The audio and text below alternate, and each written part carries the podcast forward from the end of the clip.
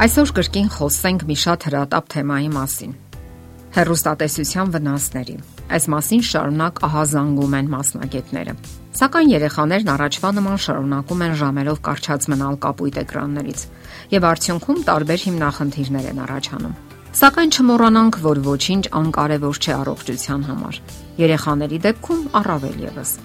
Ընթոնված է համարել, որ հերոստատեսությունը անվտանգ զվարճություն է։ Սակայն արդյոք դա այդպես է։ Չէ՞ որ վաղուց արդեն հայտնի է նրա բացասական ազդեցությունը, թե ֆիզիկական եւ թե մտավոր առումներով։ Գաղափարական զենք լինելուց բացի, այն կարող է երեխաներին զրկել երանդուն գործունեությունից, հանգեցնել գիրացման, տեսողության վատացման եւ ոչինչ չտվող անիմաստ հաղորդումներն էլ կարող են ապակողմնորոշել երեխային ամենատարբեր հարցերում։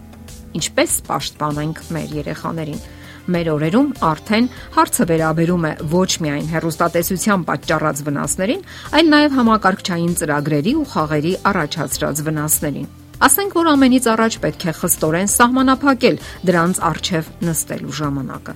Ծնողներն իրենք կարող են օրինակ ծառայել այդ հարցում։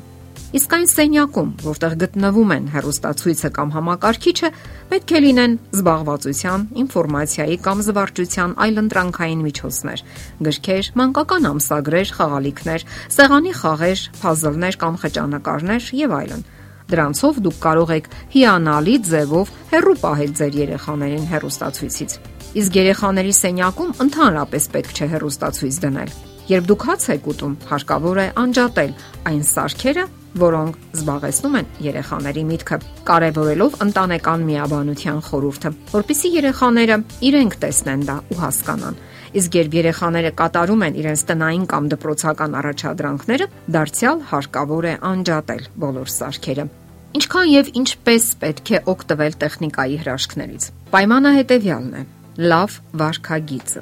Եվ այն ժամանակ երբ երեխաները կատարել ավարտել են իրենց բոլոր առաջադրանքները։ Ցանկացած ծրագիր նրանք պետք է դիտեն քնելուց գոնե 2 ժամ առաջ, իսկ երեխաները ընդհանրապես պետք է քնեն ժամը 9:30-ից ոչ ուշ։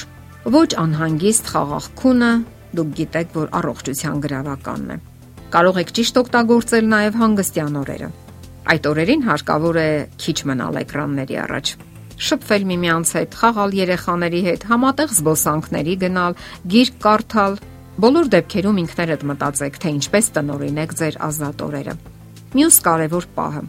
Դուք կարող եք նախորոք նայել հաղորդումների ցանկը, ընտրություն կատարել, որոնք են օգտակար երեխաների համար եւ որոնք կարող եք դիտել ամբողջ ընտանիքով որոնք են զարգացնում երեխայի հոգևոր եւ մտավոր աշխարհը։ Ճանաչողական են, գործնական հմտություններ են զարգացնում, մղում են որոնումների եւ այլն։ Դուք կարող եք հետաքրքրվել նաեւ ցանկացած հաղորդման տարիքային սահմանով։ Միասին կազմել առաջիկա շփաթվա հաղորդումների ցանկը եւ աշխատեք խստորեն հետևել դրանց։ Հաղորդումը վերջանալուց հետո կարող եք անմիջապես անջատել սարքը, որpիսի երեխան չսկսի թափառել վիրտուալ աշխարհում, հետաքրքիր բան հայտնաբերելու համար։ Հաղորդումը վերջանալուց հետո անմիջապես կարող եք անջատել սարքը, որpիսի երեխան չսկսի թափառել վիրտուալ աշխարհում հետաքրքիր բան հայտնաբերելու համար։ Իսկ ավարտից հետո կարող եք քննարկել այն, ինչ նրանք տեսան։ Կարող եք հարցնել նրա կարծիքը, տպավորությունները, ինչ դասեր քաղեց տվյալ հաղորդումից կամ ֆիլմից, իսկ հետո արդեն ասեք ձեր կարծիքը, որը նա կարող է լուրջ ընդունել։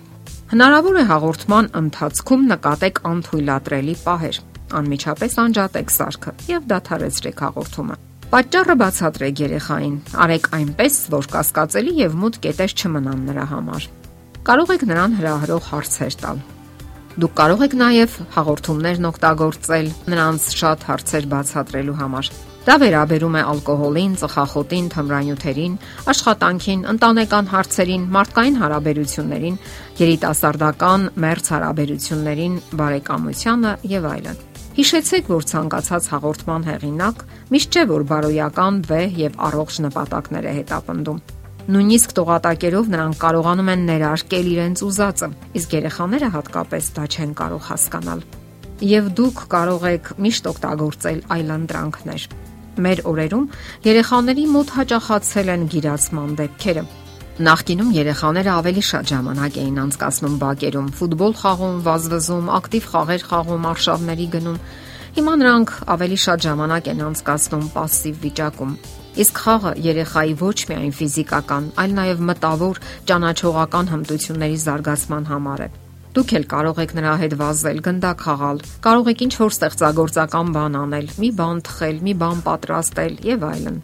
Այս բոլորն իհարկե համբերություն եւ ժամանակ է պահանջում, սակայն սովորություն դառնալու դեպքում դուք ինքներդ էլ հաճույք կստանաք դրանից, տեսնելով մանկական առողջ եւ ներդաշնակ զարգացումը։ Եվ չէ որ դա ի վերջո ձեր սրբազան պարտականությունն է։ Երեխայի առողջությունը, նրա ֆիզիկական, մտավոր եւ հոգեվոր զարգացման պատասխանատվությունը դրված է հոր եւ մոր վրա։ Իսկ դա ջանքեր, ստեղծագործական որոնումներ եւ հմտություններ է պահանջում։ Սակայն ձեր բոլոր ջանքերն ի վերջո կտան իրենց պտուղները։ Ձեր ծախսած թե ժամանակը եւ թե գումարները այս շատ կարևոր հարցում անկասկած կփոխհատուցվի։ Իդեմս առողջ եւ լիարժեք երեխայի։ Եթերում ընտանիք հաղորդաշարն է։ Ձեզ հետ է Գեղեցիկ Մարտիրոսյանը։ Հարցերի եւ առաջարկությունների դեպքում զանգահարեք 041 08 20 93 հեռախոսահամարով։ Հետևեք մեզ hopmedia.am հասցեով։